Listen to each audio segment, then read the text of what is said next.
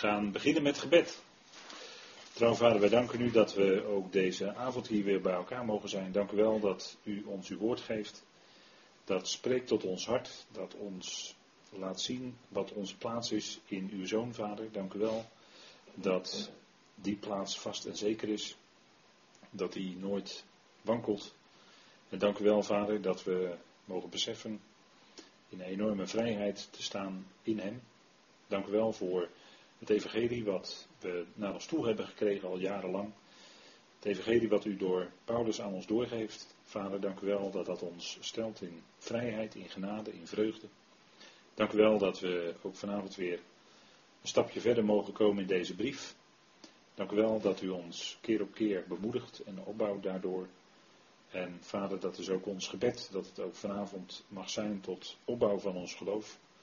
En bovenal dat het mag zijn tot lof en eer en verheerlijking van uw naam, Vader. Dat is wat we willen. En Vader, wilt u ons daartoe leiden door uw geest. Die geest die in ons werkt. De geest van de waarheid. De geest van u, Vader. En dank u wel dat we zo zonen van u mogen zijn. Dank u wel voor uw liefde, uw goedheid. En mogen we ook zo deze avond dan verder opgebouwd worden daarin. Vader, daar dank u voor in die machtige naam van uw geliefde Zoon, onze Heer Jezus Christus. Amen. Goed, wij gaan met elkaar lezen uit Galaten 5, zoals aangekondigd. En we lezen daar in de concordante vertaling vanaf vers 1. En er staat, voor de vrijheid maakt Christus ons vrij. Staat dan vast. En laat jullie niet weer in het juk van slavernij vastzetten. Zie, ik, Paulus, zeg jullie, Indien jullie je ooit laten besnijden, zal Christus jullie in niets baten. Ik getuig echter weer aan ieder mens die zich laat besnijden, dat hij schuldenaar is de hele wet te doen.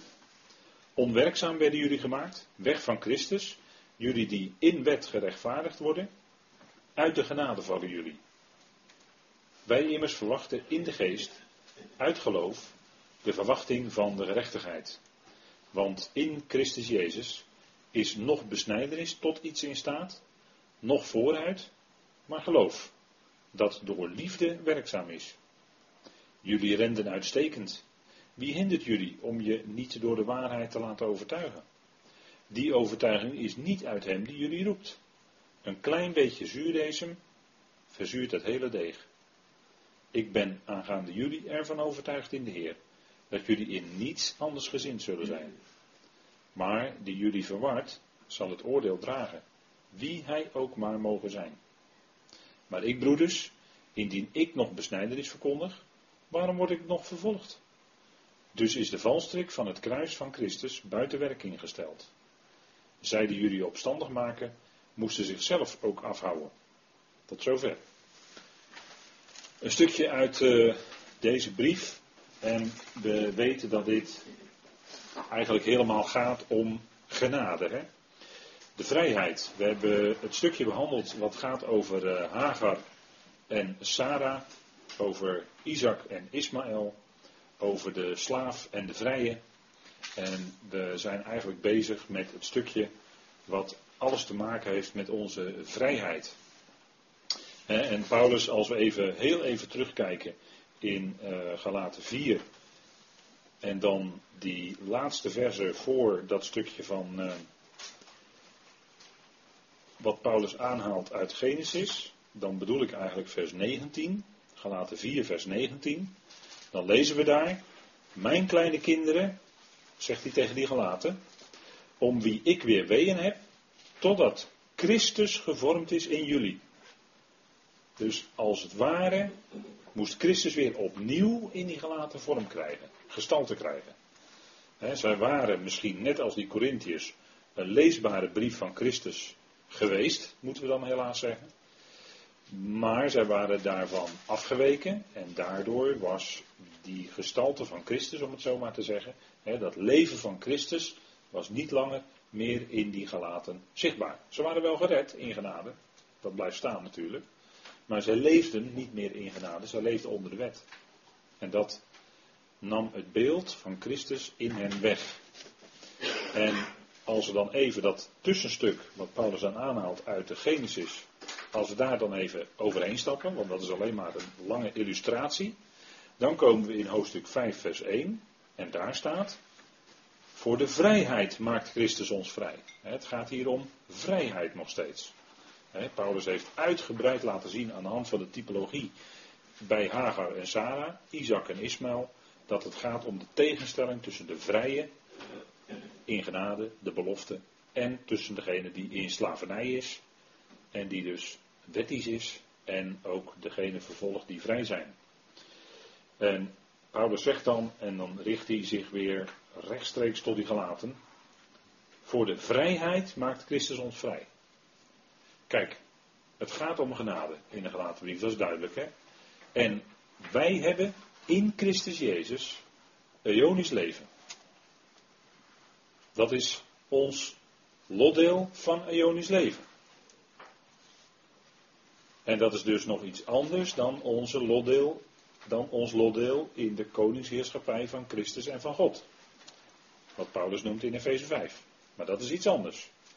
Als we het hebben over ons lotdeel Ionisch leven, dat is voor iedere gelovige en dat kan nooit meer ongedaan gemaakt worden, want dat is een genadegeschenk. Ionisch leven in Christus Jezus, dat heb je ontvangen toen je tot geloof kwam, door de geest. Wij hebben in Christus Jezus Ionisch leven. Niet in Jezus Christus, want dat geldt voor de Jood. Maar voor ons geldt, wij hebben in Christus Jezus Ionisch leven. Dat is dus in die verheerlijkte Heer aan de rechterhand van Vader. In Hem hebben wij eonisch leven, dat is ons gegeven door de geest waarmee wij verzegeld zijn naar binnen in de dag van de vrijkoping. Efeze 1, vers 13 en 4, vers 30. Als u dat na wil zoeken, kunt u dat gerust doen, want daar staat het in. Maar wij hebben in Christus Jezus eonisch leven. Dat betekent, wij hebben leven, nu al, in Hem. En het wordt straks zichtbaar als wij onthuld zullen worden als de zonen van God. En dan blijkt in de komende twee eonen dat wij eonisch leven hebben. En dan hebben we een enorme heerlijkheid en zijn we in onze bediening te midden van de hemelingen. Dan gaan we aan de hemelse macht en krachten ons genadeverhaal vertellen. Zo is dat. Ja, en dat is onze toekomst.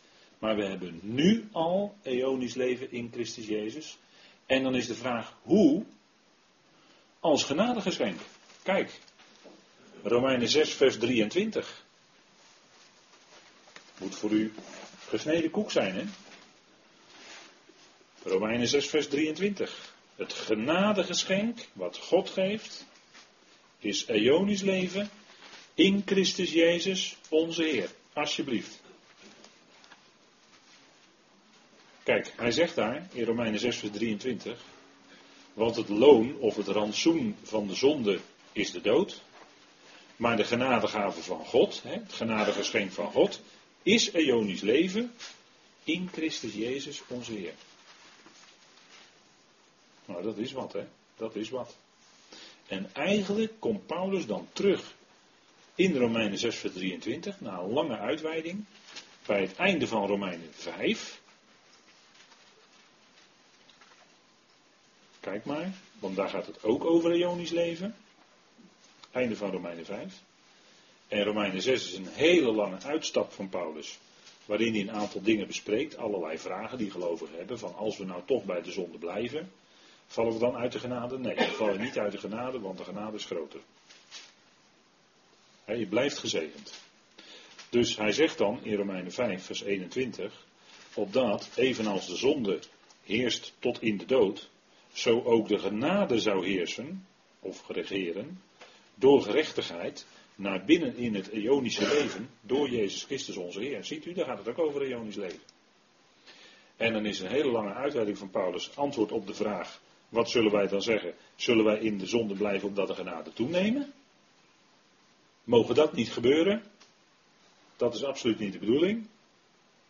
Maar wanneer wij nog zouden zondigen, dan beseffen wij dat dat ons niet in uit de genade doet vallen, want die genade is overstromend. En we kunnen altijd weer bij Vader terecht. Hij schenkt ons genade voor al onze krenkingen. En dat is Colossense 2, als ik dat zo zeg. Hij schenkt ons genade voor al onze krenkingen.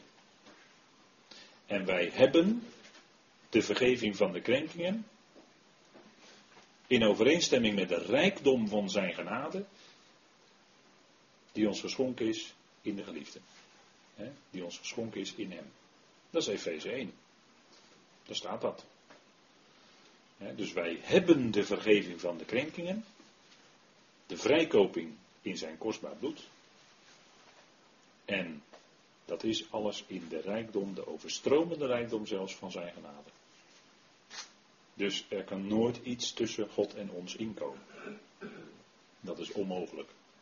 We zijn verzegeld met de geest. En die zegel kan nooit ongedaan gemaakt worden. Wij hebben Ionisch leven als genadegeschenk. Als genadegeschenk. Kijk, en dat is namelijk door God beloofd. Gaan we even naar Titus 1, vers 2. Want daar staat ook iets heel bijzonders over dat Ionisch leven.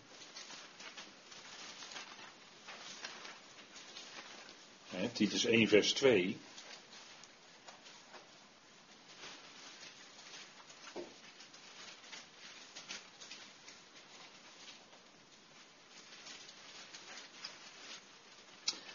En er staat in Titus 1, en dan lees ik het met u even vanaf vers 1.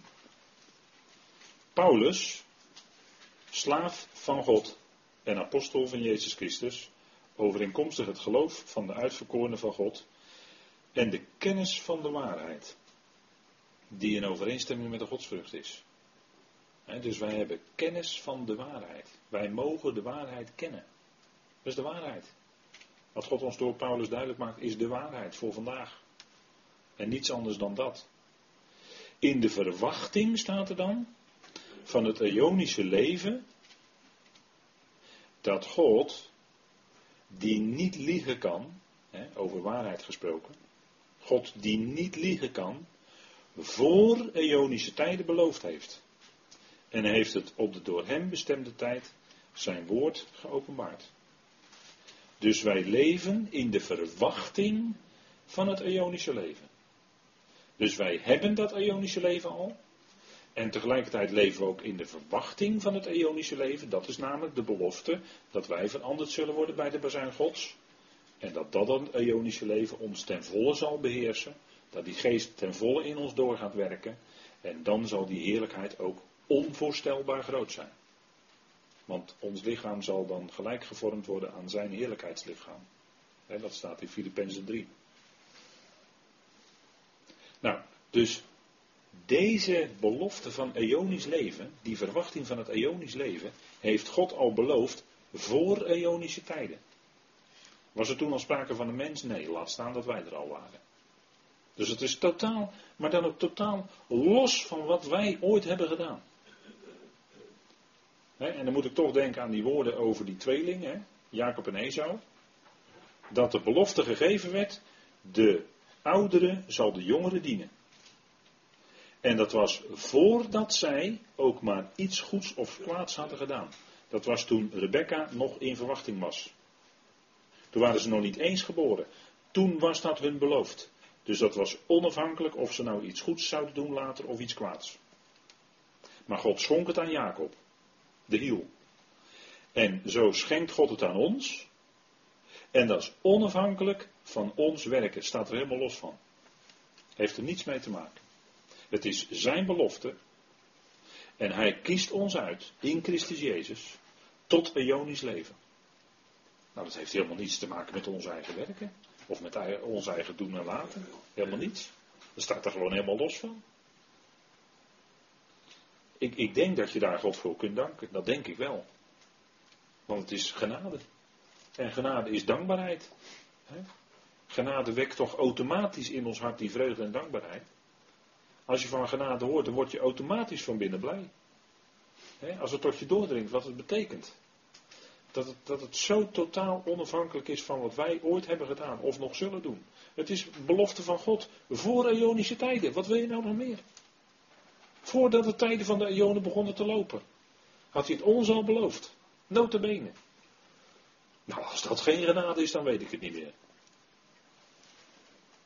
dat is totaal los van elk flintertje van ons werk. Het kan er helemaal niets mee te maken hebben. Het staat er gewoon helemaal los van. Maar het is zijn genade, dat is het. Nou, dat is fantastisch. Ik denk dat dat geweldig is. Kijk, en dan zegt Paulus tegen die gelovigen die zo in genade geroepen zijn, die al van voor de eonen dat genadegeschenk hebben ontvangen, dat eonische leven. Nou, dan zegt hij, voor de vrijheid maakt Christus ons vrij. Hij schenkt ons genade, hij zet ons dus daarmee in de vrijheid. En daarmee zijn we gewoon los van elk idee ook maar van ons eigen werken, onze eigen inspanning. Het heeft er gewoon helemaal niets mee te maken. Hij schenkt het ons gewoon. Het is gewoon zijn gevende hand. Het is zijn gevende liefde in Christus Jezus. Ah, dat is toch fantastisch? En hoe bestaat het dan dat die gelaten daarvan afweken? Hoe bestaat het? Ze waren dat zicht op deze dingen volledig kwijtgeraakt. Waarom? Dat kwam door, door mensen die, hè, dat heb ik daaronder die tekst nog eens een keer gezet, uit gelaten 2 vers 4. Hè, want het gaat om die vrijheid, daar is het Paulus om te doen. Hij wil die gelovigen in die vrijheid laten, of weer terugbrengen in die vrijheid van de genade. En daar waren dus valse broeders binnengekomen. Hè? Hebben we gelezen met elkaar, hebben we besproken. Galaten 2 vers 4. Maar vanwege de binnengesmokkelde valse broeders, die binnenkwamen. Waarom? Om onze vrijheid die wij in Christus Jezus hebben te bespieden, ons tot slavernij te brengen. Ziet u waar het om draait? De vrijheid die wij in Christus Jezus hebben. En dat is toch iets bijzonders, want daar kennelijk, kennelijk wil de andere kant ons daar zo snel mogelijk weer uit hebben. Die wil ons zo snel mogelijk weer terugbrengen onder de grondbeginselen van de wereld. Nou, grondregels van de wereld hebben we verschillende keren over gehad. Uitgebreid, u weet wat dat zijn. Maar het zal vanavond nog heel even ook weer aan de orde kunnen komen. Hè? Onze vrijheid die wij in Christus Jezus hebben te bespieden. Dat, dat kwamen die valse broeders doen. Hè? En zij wilden dus die gelaten dus uit die vrijheid duwen. Uit die genade dus. Waaronder? Niet, niet in allerlei liederlijke zonden. Nee, dat, dat de mensen dus keurig netjes de wet gingen houden. Dat. Dat punt, hè. En Paulus zegt dit dan ook als uitroep, hè. Voor de vrijheid maakt Christus ons vrij. Hè, wij hebben de vorige keren gezien dat wij eigenlijk kinderen zijn van Sarah, van de vrije, weet u nog? Onze vader is Abraham, wij zijn gelovigen. En onze moeder is Sarah, want die, is, die was vrij dat is onze vorstin, hebben we gezien. De, naam, de naam Sarah betekent vorstin. Nou, onze vorstin is vrijheid. Dat, daar worden wij door geregeerd als het goed is. En daar waar mensen weer komen in gebondenheid, op welke manier dan ook, ja, dan ben je, dan ben je dus uit die vrijheid. vrijheid is het tegenovergestelde van gebondenheid. En die gelaten werden teruggebracht onder gebondenheid, onder regels, onder allerlei voorschriften, onder allerlei wetten enzovoort. En dan konden ze misschien aan de buitenkant oppervlakkig gezien netjes leven, maar ze waren in gebondenheid. Ze waren niet vrij. En dat was toch op een of andere manier te merken. En vandaar dat Paulus hier zo'n duidelijke uitspraak doet in Galaten 5. Hè, voor de vrijheid maakt Christus ons vrij. Daar, dat was de bedoeling hè, van onze vrijmaking. We zijn vrij, echt vrijgemaakt. en, en er zijn mensen die zich echt zo noemen in Nederland, he, vrijgemaakt. Maar ja, dan denk ik van als, er, als elke zondag de, de wet voorgelezen wordt, dan ben je niet vrijgemaakt hoor. Dan ben je niet vrijgemaakt. Maar dan ga jij weer proberen, met, vanuit je vlees dus, vanuit je vlees, ga jij dus weer proberen aan die wet te houden. En ik heb al vaker gezegd, dat gaat hem niet worden. Dat gaat niet. Dan kom, je in gebondenheid, want is je vlees, je, gaat zelf weer aan het werk. Je gaat jezelf weer, en je kan er allerlei mooie namen aangeven. Je kan zeggen jezelf heiligen. Hè? We gaan ons heiligen, we gaan een leven leven in heiliging. Of we gaan ons reinigen van. Maar wat valt er dan nog te reinigen dan? Wat valt er nog te reinigen? We zijn toch al gereinigd? We zijn toch al afgewassen? We zijn toch al geheiligd? Nou, dank God er dan voor. Dat je dat bent. Dat is je status, dat is je positie in Christus. Dank God daarvoor. Dat heeft een bevrijdende werking in je leven. En zodra je gaat proberen met, met allerlei pijn en moeite en probeer je jezelf te heiligen, dan kom je in de krampen. Dan kom je in de vrome krampen van het vlees. En het is niet voor God welgevallig. Het is niet voor God welgevallig. Voor God welgevallig is Hem serieus nemen op zijn woord. En Hem danken voor de genade die Hij in Christus geschonken heeft. Daarvoor danken. Dat maakt een mens werkelijk vrij. Van binnen vrij bedoel ik dan. Innerlijke vrijheid, want daar gaat het om. En dan gaat het van binnenuit naar buiten toe werken, want zo werkt God altijd. Van binnenuit naar buiten. En het andere is allemaal werken van de mensen, dat is allemaal van buitenaf opgelegd naar binnen toe. En dat gaat niet werken. Dat gaat niet werken. Nee, dan ga je op een gegeven moment ontdekken dat als jij het goede wil doen, dan doe je eigenlijk het kwade. Je wil wel het goede doen, op een weg van zelfheiliging. Hè? Dan wil je wel het goede doen, maar dan ontdek je, doe het kwade. Lukt niet, schiet tekort, enzovoort, enzovoort. Nou, dat is een heilloze weg. Dat is eindeloos, dat is oeverloos. Maar je komt niet verder. Dan garandeer ik u. Maar waar je werkelijk vrij wordt, is als Hij, Christus, jou vrij maakt. Hè? Kijk, en Christus maakt ons vrij. Hè? En waar zijn we dan vrij van? Nou, ik heb het op deze dia nog heel even gezet. Wij worden vrij, of wij zijn dan, hij maakt ons vrij van. Goedenavond. Hij maakt ons vrij van het bezig zijn met allerlei voorschriften, het bezig zijn met allerlei rituelen, welk ritueel dat dan ook maar is. Daar kunt, mag u voor mij alles bij bedenken. Maar wij hebben geen enkel voorschrift, geen enkel ritueel, geen enkel godsdienstig voorschrift, geen sacrament, om maar met de Rooms-Katholieken te spreken. Dus geen werken, geen offers, we houden geen sabbatten, we houden geen feestdagen, niks. Dat is allemaal niet nodig. Dat zijn allemaal voorschriften en tradities van mensen waar we dan mee bezig zijn. En dat, eh, ja goed, het is nu december. Ja, ja, ja, inderdaad. Ja. Nou goed, daar haal ik mijn schouders op. Het zal wel. Maar Christus Jezus is in december dezelfde als in november hoor. Maakt helemaal niet uit. Die genade is tijdloos. Die is niet aan, aan dagen of wat dan ook gebonden. dat is niet dat je de ene dag dan blijer moet zijn dan de andere. Nee, de genade maakt je toch elke dag blij. Of niet dan? laten wij dan feest vieren, zegt Paulus. Feest vieren. Ongezuurd. We hebben het gelezen, hè, zuurdesem. Daar komen we vanavond niet aan toe. De volgende keer of die keer daarna. Maar ongezuurd, hè. Laten wij feest vieren. In oprechtheid en waarheid en dankbaarheid. Nou, dat kan je elke dag doen. Kijk, want de wet, hè, daar waren die gelaten mee bezig, dat is, dat is de wet van Mozes. En ik weet dat er uh, genoeg zijn in deze wereld en u kunt daar ook websites over vinden en noem alles maar op. Maar die, die, die doen dan uiterste pogingen om te, laten, te proberen te laten zien dat als Paulus het woord wet gebruikt in de gelaten brief, dat hij dan eigenlijk niet de Torah van Mozes bedoelt, maar dat hij dan eigenlijk de judaïstische uh, tradities bedoelt. Daar zijn hele websites zijn eraan gewijd om dat te proberen op die manier. En daarmee, wat willen ze daarmee? Daarmee willen ze de gelaten brief in een heel ander licht zetten. En het achterliggende doel daarvan is om de gelovigen onder de wet van Mozes te brengen. Dat, dat is hun vooropgezette gedachte dat als Paulus zegt het woord wet in de gelaten brief, hè, dat hij dan niet de Torah van Mozes bedoelt, maar dan bedoelt hij zijn eigen judaïsme waar hij uitkwam enzovoort.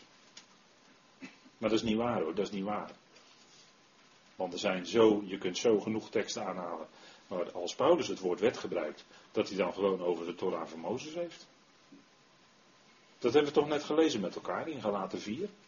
Dan zegt hij toch tegen die gelaten, jullie die onder de wet willen zijn, horen jullie de wet niet? En dan komt hij met Genesis. Zijn dat dan judaïstische tradities, Genesis? Is dat dan judaïsme?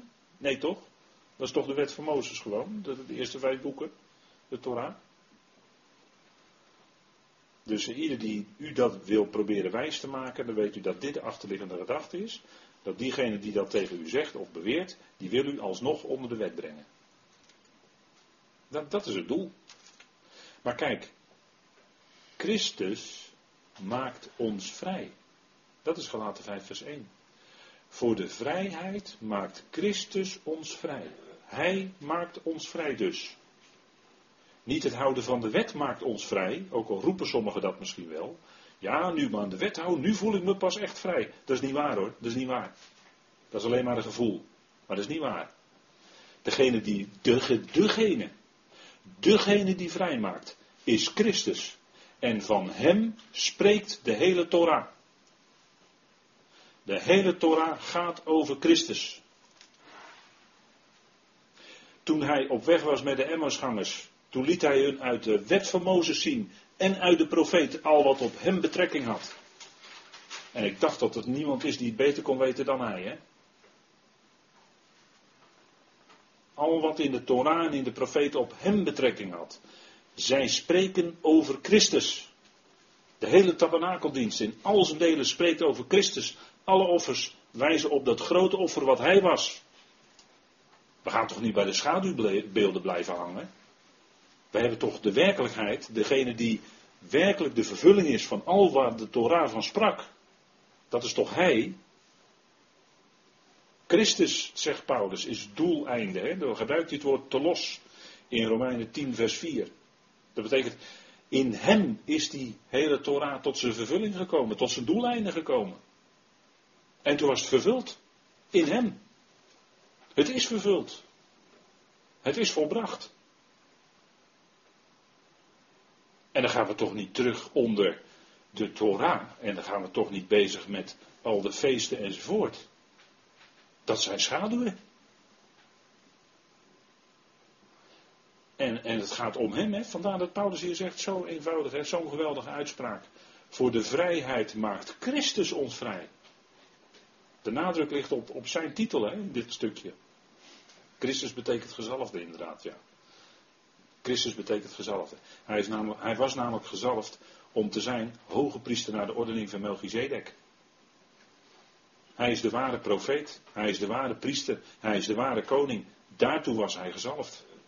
Hij is de gezalfde inderdaad. Maar we moeten wel goed vaststellen waartoe hij gezalfd was.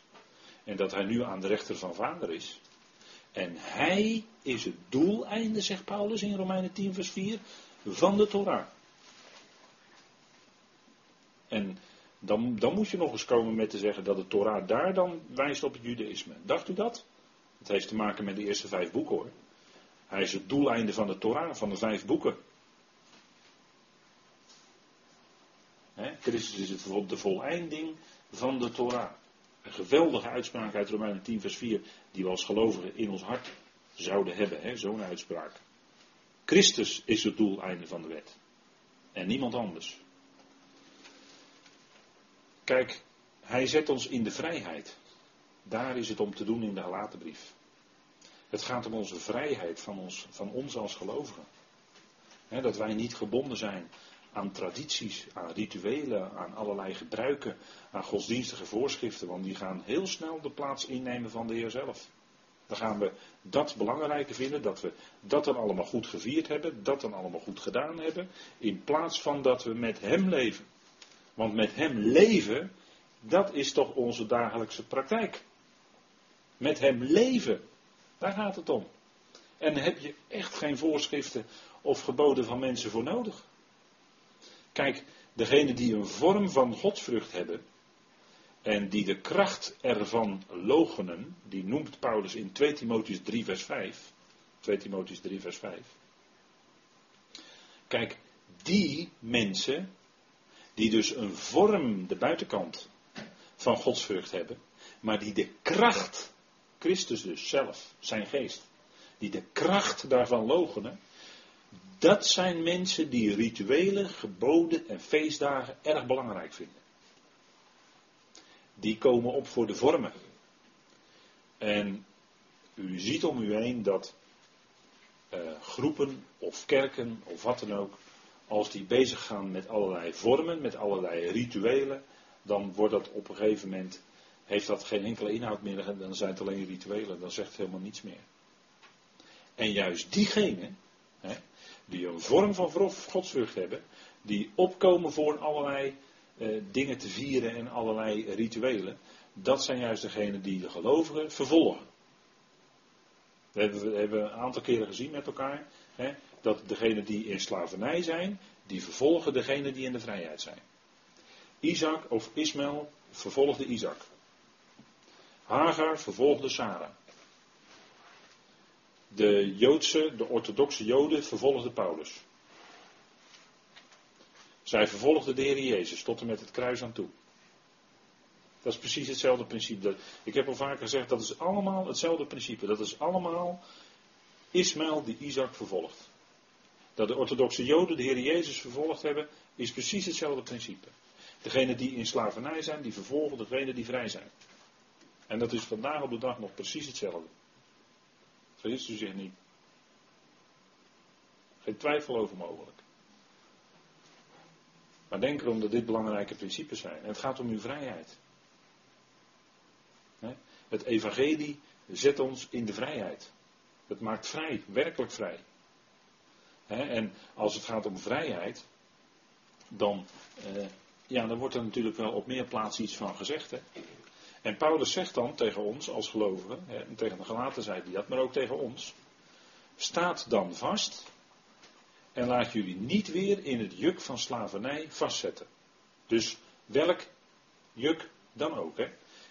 Specifiek ging het bij die gelaten om het juk van de Torah van Mozes, waarvan Petrus al had gezegd in Handelingen 15, dat het een juk was dat nog wij, zegt hij van zichzelf en de apostelen, nog onze vaderen hebben kunnen dragen.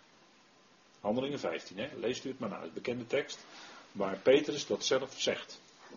Petrus, hoort u het goed? Petrus zegt dat zelfs. Nou, hoeveel te meer Paulus zou ik dan willen zeggen? Vaststaan is dan voor ons vaststaan in die vrijheid. De vrijheid van de genade. Besef elke dag weer dat u leeft in genade. Dat wat u die dag fout doet of misschien fout denkt, dat kan u niet in veroordeling brengen, want er is geen veroordeling voor hen die in Christus Jezus zijn.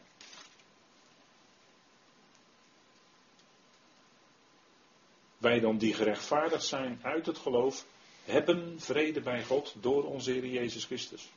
Kijk, dat zijn uitspraken waar je geestelijk leven mee kan voeden en waar je, wat je in de vrijheid houdt. Als je die uitspraken voor ogen houdt, die werken als een zwaard.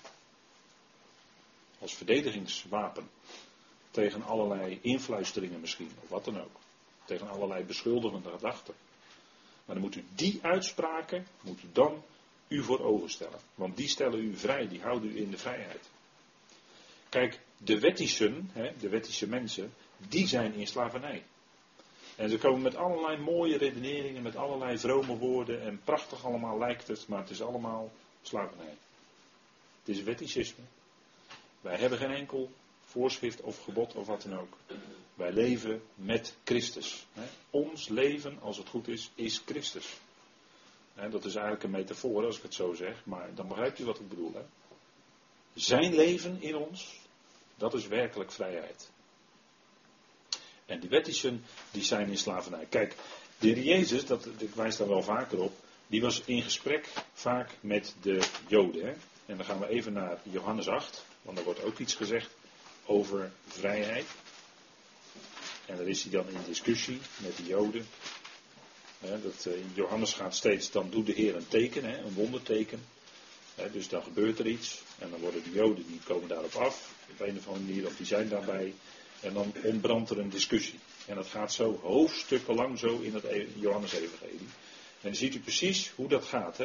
En dan is het de, dus de, de orthodoxe wettische joden tegenover de Heer Jezus. En dan is de Heer Jezus heel scherp hoor.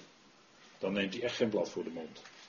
En dan zegt hij dingen gewoon rechtuit. Nou, in vers 30 van uh, Johannes 8 dan is de Heer al druk in gesprek met deze uh, fariseeën en schriftgeleerden. En dan, en dan staat er in Johannes 8, vers 30, toen hij deze dingen sprak, geloofden velen in hem. Jezus dan zei tegen de Joden die in hem geloofden, als u in mijn woord blijft, bent u werkelijk mijn discipelen.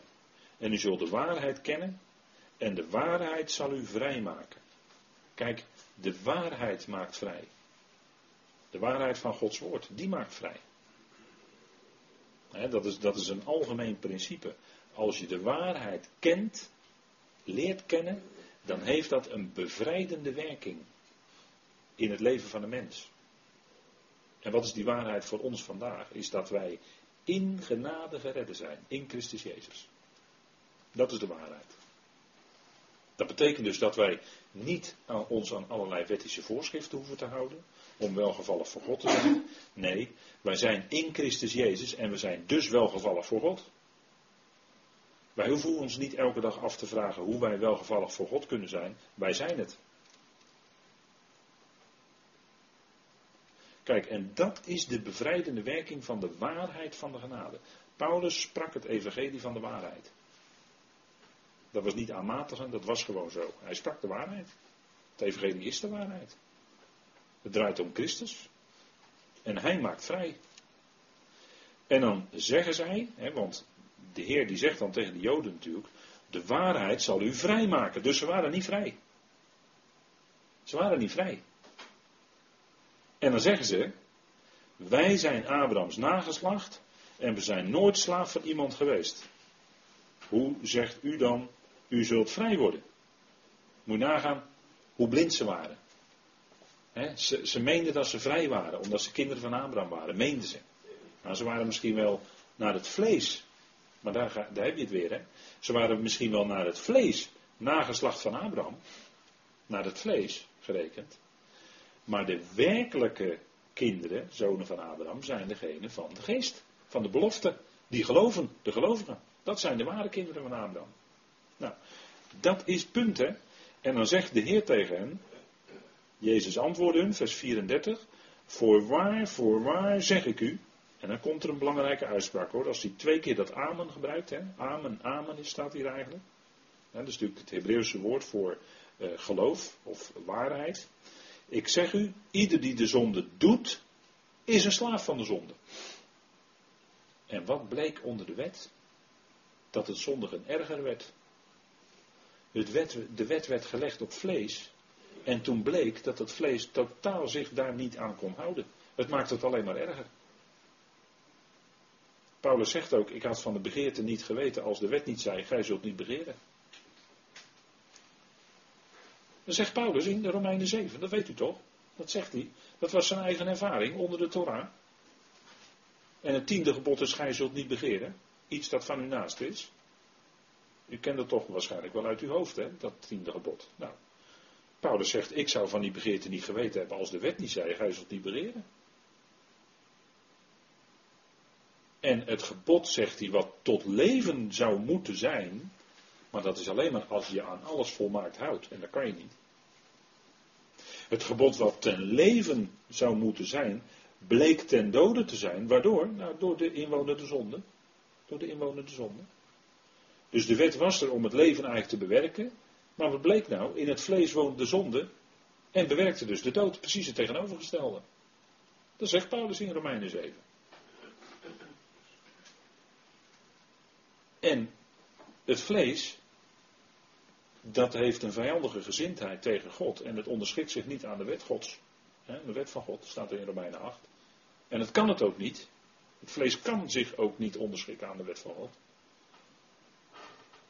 Dus als die wet dan op het vlees wordt gelegd, wordt het alleen maar erger. Want het vlees gaat zich er tegen verzetten. En die gaat juist die dingen doen die de wet verbiedt. Dat is, de, dat is het vlees, hè? dat is de werking van het vlees. Waar de zonde in werkt. Die gaan precies het tegenovergestelde doen van wat de wet als doel had gesteld. Dat namelijk als je aan alles zou houden, dan zou je kunnen leven. Maar kon je niet. Dat kon niet. Er was er maar één die zo wandelde dat hij wel. En die werd juist ter dood gebracht. Door degene die zelf in slavernij waren. En dan zegt de Heer dus tegen hen, tegen de Joden: Ieder die de zonde doet, is een slaaf van de zonde. En wat was nou de voornaamste zonde bij de Joden? Wat was de voornaamste zonde bij de Joden? Ongeloof. ja precies. Ongeloof. Vandaar dat de Heer zegt tegen, tegen degene die geloofde, als jullie in mijn woord blijven, geloven, zijn jullie werkelijk mijn discipelen. En de zonde van de Joden was ongeloof. Ze waren druk bezig met doen, doen, doen, doen, doen. Maar ze waren ongelooflijk. Toen degene kwam van wie de Torah sprak, geloofden ze niet in hem. Dat was de zonde van de Joden, ongeloof. Ze zijn er door ongeloof niet de rust ingegaan, hè, zegt Hebreeën 3 en 4. Door ongeloof gingen zij niet het beloofde land in, gingen zij niet de rust in van het geloof. Nee, ongeloof, dus geen rust. En als je bezig gaat met de wet te volbrengen, wat is dat dan eigenlijk? Ook als je een gelovige bent. Als je toch bezig gaat met te proberen die wet te volbrengen, wat, wat, doe wat ben je dan eigenlijk? Wat doe je dan eigenlijk? Dan doe je dat eigenlijk uit ongeloof. Dat is eigenlijk ongeloof. Want dan, meen jij dat jij het moet voldoen. Maar je bent ongelovig, want hij doet het in jou. Hij, zijn geest, doet het in jou. En dan zeg ik van, dat is wat wij geloven. Dat is wat wij beleiden. Daar zeggen wij amen op. Tegen die genade. En wij stappen dan anders terug naar de andere kant, naar de onderkant zou ik willen zeggen. En dan gaan we het zelf proberen te doen. Terwijl de Heer ons juist op die hoogte zet in zijn genade. En we mogen hem danken voor datgene wat hij al geschonken heeft. En die gelaten waren weer bezig met die andere kant te proberen het zelf te doen. En begin weer aan de andere kant. Daarom zegt de Heer hier, ieder, de ieder die de zonde doet, dan blijkt dat je een slaaf van de zonde bent. Dan ben je niet werkelijk vrij. Maar als de Heer je vrij maakt in zijn genade, terwijl de mens dan denkt van, ja, maar als alles genade is, dan kan ik mijn gang wel gaan. Ja, dat is het vlees. Wat, dat is vleeselijk denken. Maar het blijkt juist in de praktijk dat die genade in ons werkt, dat wij de zonde kunnen laten. Juist die genade in ons leven is die werkzame kracht tegen de zonde. Nou, dat is. Maar die, die wettische, die zijn in slavernij. En daarom zegt de Heer: kijk, ieder die de zonde doet, is een slaaf van de zonde. En de slaaf, zegt hij dan in vers 35, blijft niet eeuwig in het huis. De zoon blijft er eeuwig. Een slaaf niet. Een slaaf moet op een gegeven moment vertrekken. En in, bij, bij, hè, bij de Joden was het zo dat op een gegeven moment wordt een kind wordt een zoon. Hè, bar mitzwa, bar mitzwa. Dan wordt hij een zoon van de wet. Dan kan je stuk uit de Torah lezen enzovoort. Met alles wat hadden gebruiken. Maar dan wordt hij een zoon. Dan is hij dan niet langer kind meer, maar zoon. En tot die tijd had hij eigenlijk die wet nodig als een kindgeleider. Dat is het beeld wat Paulus ook gebruikt. Totdat hij zoon is. En als je die zoon bent, dan, dan ben je werkelijk de erfgenaam ook. Dan ben je in het huis, dan ben je vrij. En huis is alles wat God bouwt. Hè? Alles wat God bouwt, geestelijk gezien, dat heet huis. Het huis Israëls, dat is wat hij bouwt. En daarom wordt de gemeente ook soms genoemd onder het beeld van een huis. Hè? Jullie zijn het huis van God, zegt Paulus, 1 Timotheus 3, dat hebben we wel eens over gesproken. Wij zijn het huis van God, dat wat God bouwt, dat is een huis. Dat is zijn woning, zijn woonplaats. En dan zegt hij dus, de zoon blijft er wel. Hè? De zoon is blijven, die blijft eonisch.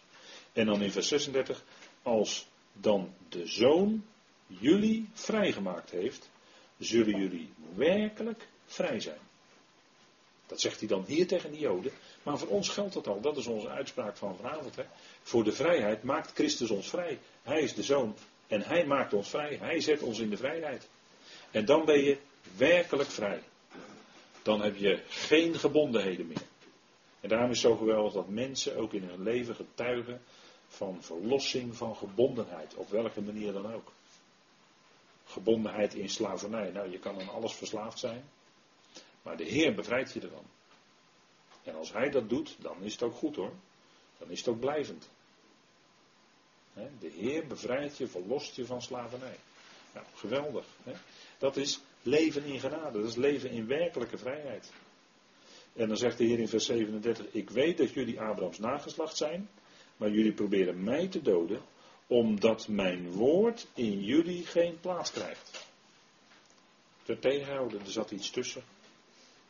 Ze waren blind. En zij konden het niet zien. En hij zegt, ik spreek over wat ik bij mijn vader gezien heb. Jullie doen dus ook wat jullie bij jullie vader hebben gezien. Nou, dan zegt de Heer later tegen hen dat, hij, dat zij de duivel tot vader hebben, de diabolos. Hè? Enorm, enorm. Ze hadden de diabolos tot vader. Nou, enorm, en enorm dan wettisch, moet u maar eens over nadenken. Enorm, enorm wettisch, verschrikkelijk wettisch. En ze hadden de diabolos tot vader. Denk er maar eens over na. Goed, Galaten 5 vers 2. Daar zegt Paulus, zie ik Paulus, zeggen jullie. Indien jullie je ooit laten besnijden, zal Christus jullie in niets baten. Nou, Saulus was het eerst en het werd Paulus. En dat is precies dezelfde naam als koning Saul. Hè? Daarom heb ik de vorige keer, of misschien de keer ervoor ook gezegd, de periode van Israël onder koning Saul is eigenlijk een uitbeelding van Israël onder de wet. En daarna kwam David, en dat is eigenlijk een uitbeelding van dat de genade kwam. Ja? En Shaul, Saulus, die naam moest dus veranderd worden. In Paulus. Dat gebeurt in Handelingen 13 nadat hij afgezonderd is. Dat is allemaal vol betekenis uiteraard.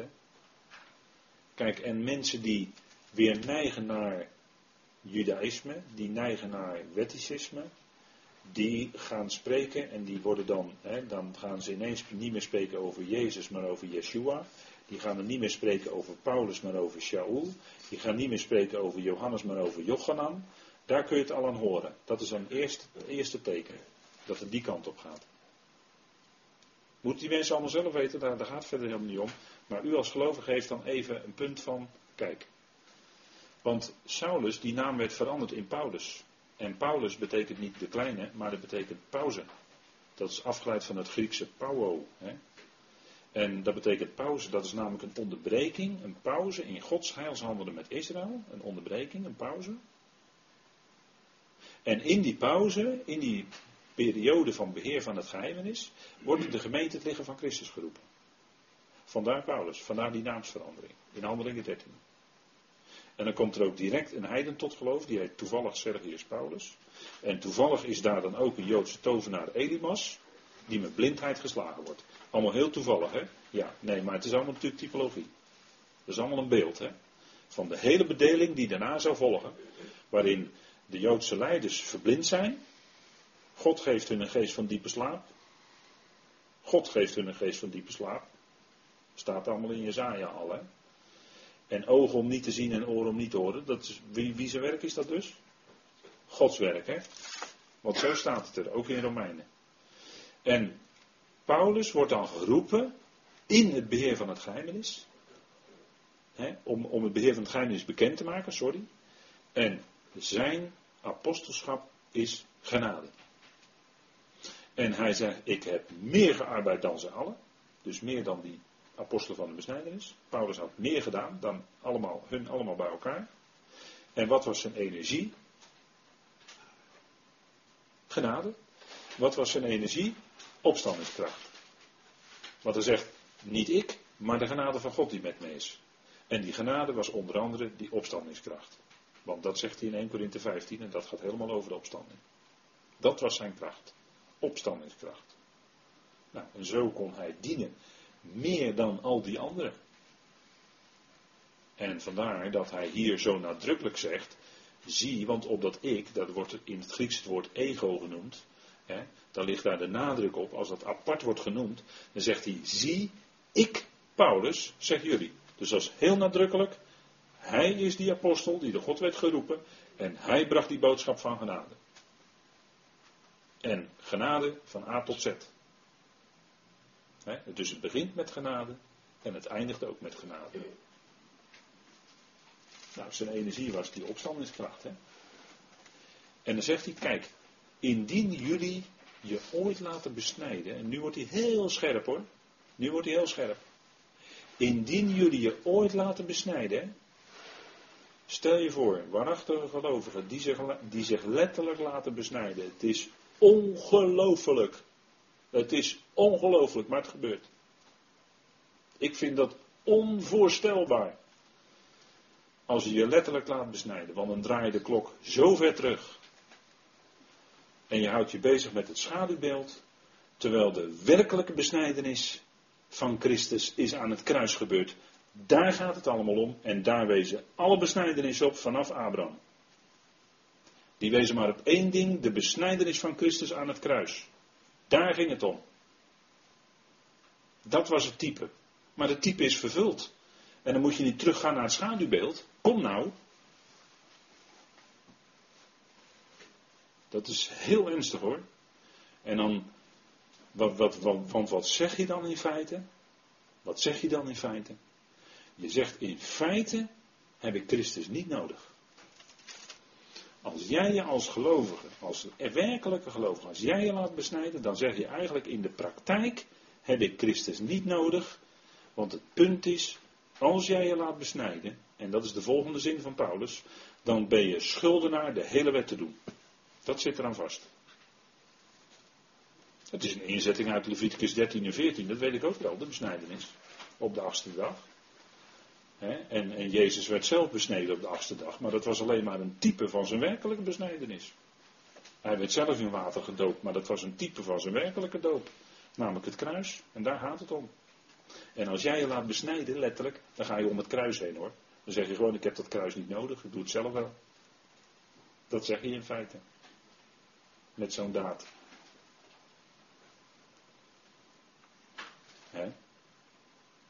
Dat zit er allemaal aan vast.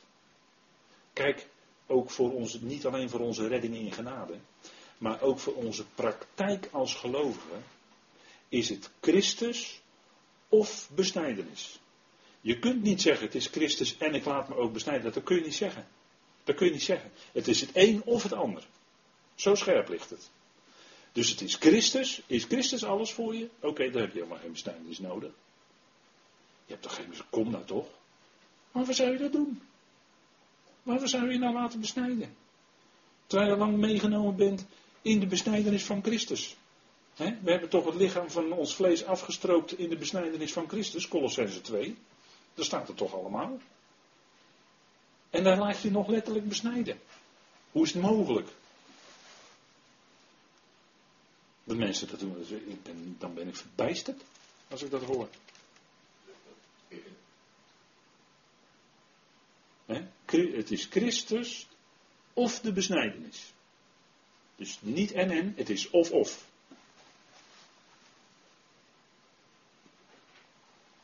Kijk, want Paulus zegt, indien jullie je ooit laten besnijden, zal Christus jullie in niets baten. Dan heb je geen baat bij Christus. Dan is hij niet tot nut voor jullie in je geloofsleven. In je praktijk van je geloofsleven bedoel ik dan. Dat is het punt. Kijk, een uh, gelovige die zich laat besnijden, die ontkent, die ontkent in feite de ontvangen genade. Het is, het is zo tegengesteld aan de genade, in feite. En het is eigenlijk ook ten diepste een ontkenning van het kruis op Golgotha, want het is het type. Het is het type. En waar het werkelijk om gaat, is het kruis. Daar is alles voltrokken. En dan zet je dus een kruis door de genade. Je, je zegt eigenlijk van ik heb die genade niet nodig, ik ga het zelf doen. Dus je ontkent in feite het hele evangelie daarmee. De kern van het evangelie. Dat is wat. Dat is wat. Nou, het blijft, het blijft genade hoor. We hebben al die dingen echt niet nodig. Geen enkel ritueel. En de besnijdenis al helemaal niet. Kijk, een gelovige die zich laat besnijden, dat is vers 3. Daar zegt Paulus, en wie kon het beter weten dan hij? Ik getuig echter weer aan ieder mens die zich laat besnijden. Kijk, Paulus zegt hier dus algemeen, hè? ieder mens die zich laat besnijden. Of het nu een gelovige is of een ongelovige. Maar het maakt niet uit. Het gaat om het principe. Ieder mens die zich laat besnijden, is schuldenaar de hele wet te doen. Alsjeblieft. En je kan nooit de hele wet doen. Als je, als, je, als je beweert dat je dat zelf wel kan, dan ben je zo hoogmoedig. Daar ben je absoluut niet in staat.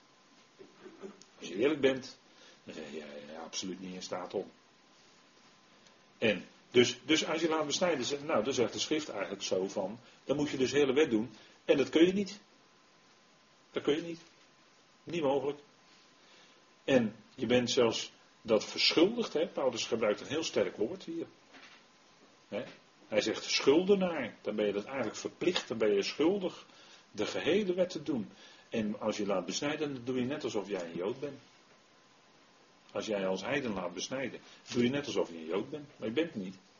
In ieder geval zeker niet bij afstamming. Nou dan. Nou dan, wat laat je dan besnijden? Dat is, dat is, dat is onmogelijk eigenlijk. Hè? Kijk, die schaduw, die hele Torah, dat was een schaduw. Maar kijk, ik heb hier een, een foto uh, van, van een schaduw.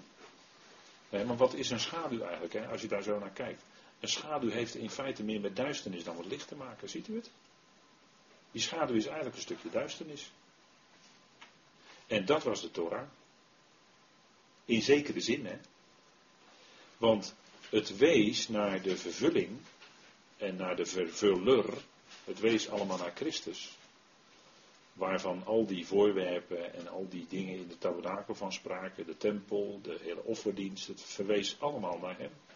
En dat zegt de schrift ook, hè. Hebreeën 10, vers 1. Dat de wet of de Torah heeft een schaduw van de toekomende goederen. Hebreeën 10, vers 1. Daar, daar zegt de Hebreeën schrijver dat. Hè? Nou, daar gebruikt hij ook het woord nomos in het Grieks. Hè? En daarmee bedoelt hij de Torah, dat is onmiskenbaar. Kijk, als het iets anders betekent dan de Torah van Mozes, staat het erbij, namelijk in de schrift. Staat er gewoon bij dan. Paulus heeft het ook wel eens over zijn voorvaderlijke overleveringen. Galaten 1, hè. Dan gaat het over die tradities van het judaïsme. Of als hij in Filippenzen spreekt over al wat hij schade en drek acht. Hè, al wat hij als verwerkt acht. Dan noemt hij al die dingen van het judaïsme inderdaad. Ja, maar als hij het heeft over de nomos, over de wet, over, dan bedoelt hij de Torah. Tenzij uit de context anders blijkt. Maar als het niet blijkt, gaat het over de Torah. En zo ook in Hebreeën 10, vers 1. Want daar staat, want de wet, de Torah, die een schaduw heeft van de toekomstige goederen. Dus de Torah was een schaduw. En een schaduw is iets wat geworpen wordt, maar dan schijnt er wel licht op, maar van achteren, van een bepaalde kant, en dan zie je de schaduw. Maar je weet niet waar het werkelijk om gaat. Dat ga je pas later zien. Als je blikrichting verandert en als je ogen open gaan, hè, als je meer licht krijgt, dan ga je zien waar het werkelijk om draait. En dan zegt de Hebreeën ook, van de toekomstige goederen en niet het wezen van de dingen zelf, kan nooit met dezelfde offers die zij jaar in jaar uit ononderbroken brengen, hen die naderen tot volmaaktheid brengen. Alsjeblieft, kijk, de Torah kon nooit tot volmaaktheid brengen. Het was onvolkomen. Het was dan ook het oude verbond.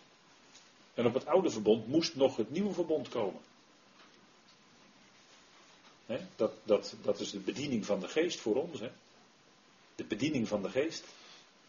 En, en dan denk ik heel vaak, wat in Korinthe er ook bij staat, is, kijk, die bediening van de geest is Waar de geest van de Heer is, daar is vrijheid. Daar heb je het weer, hè? Vrijheid.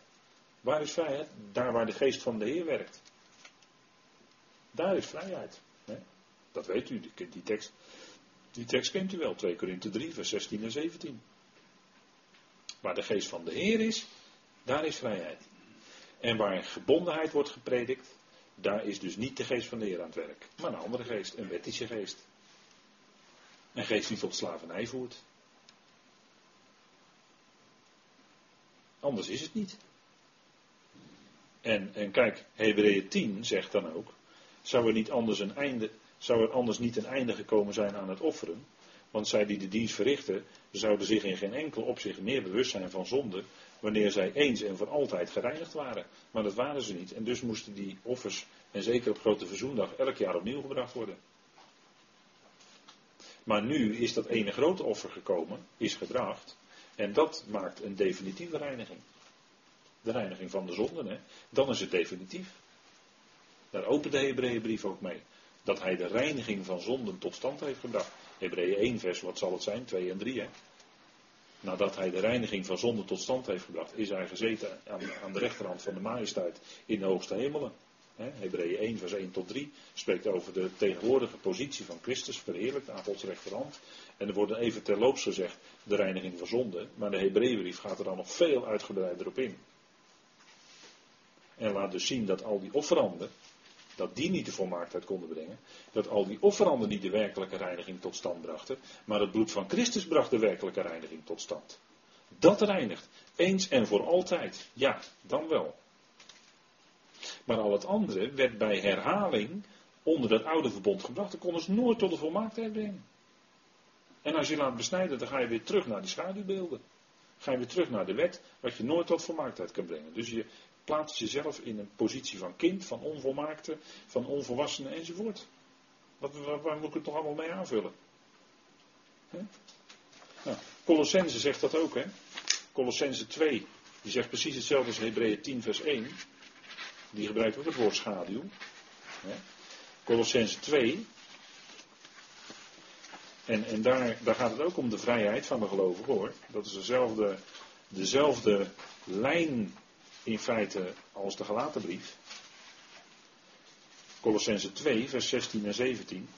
En deze dingen die hier staan, wat we in Colossense lezen, zouden we ook heel diep in ons hart moeten sluiten. Hè? Heel diep in ons hart. Het moet in onze ziel gegrift staan wat hier staat. Laat dan niemand jullie richten in zaken voedsel of drank. Of details van een feest. Of van een nieuwe maan of van sabbatten die een schaduw zijn van hetgeen op het punt staat te komen. Het lichaam echter is van de Christus. Ziet u het? Dus Paulus zegt, pas op. Laat niemand jullie ooit richten, welke prediker of wie het ook is, wie dan maar gaat beginnen over dat je, dat je bepaalde voedselvoorschriften in acht moet nemen, dat je bepaalde dranken wel of niet moet drinken, enzovoort, enzovoort, enzovoort. Of uh, dat, je, dat je misschien uh, ja, aan een feest of wat dan ook moet houden, of een nieuwe maan of sabbat. Dus dat zijn allemaal schaduwen, zegt Paulus. Dat zijn allemaal schaduwen. En die een schaduw zijn van hetgeen op het punt stond te komen. Het lichaam echter is van de Christus. Daar hebben wij deel aan. Aan het lichaam van Christus. En dus hebben wij niets met die schaduwen te maken, dat waren schaduwbeelden. Maar voor ons geldt de waarheid, hoe het nu is. Wij, wij zien het volle licht. En dan zegt hij van nou, voedsel, drank, details, feesten, nieuwe maan, sabbaten, hè, vers 18. Laat niemand als scheidsrechter tegen jullie optreden. Die in nederigheid en met het ritueel van de boodschappers, met wat hij gezien heeft, voor de schijn paraderen wil opgeblazen door zijn vleeselijke denkzin en zich niet houdend aan het hoofd.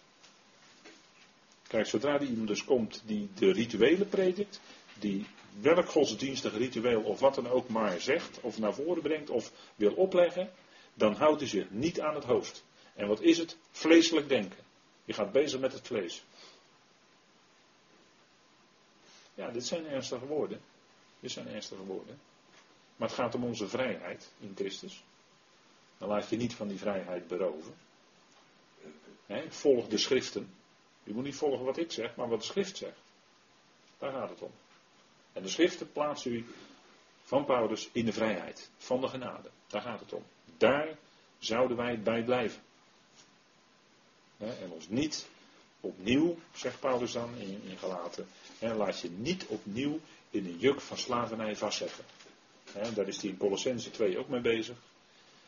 Laat je niet in een juk duwen. Wat je ten neerdrukt. Wat je benauwd maakt. Nee, je bent in de vrijheid geplaatst. Hè? Die geweldige vrijheid in Christus Jezus. Nou, dat is uh, uh, nu even genoeg. We gaan pauzeren.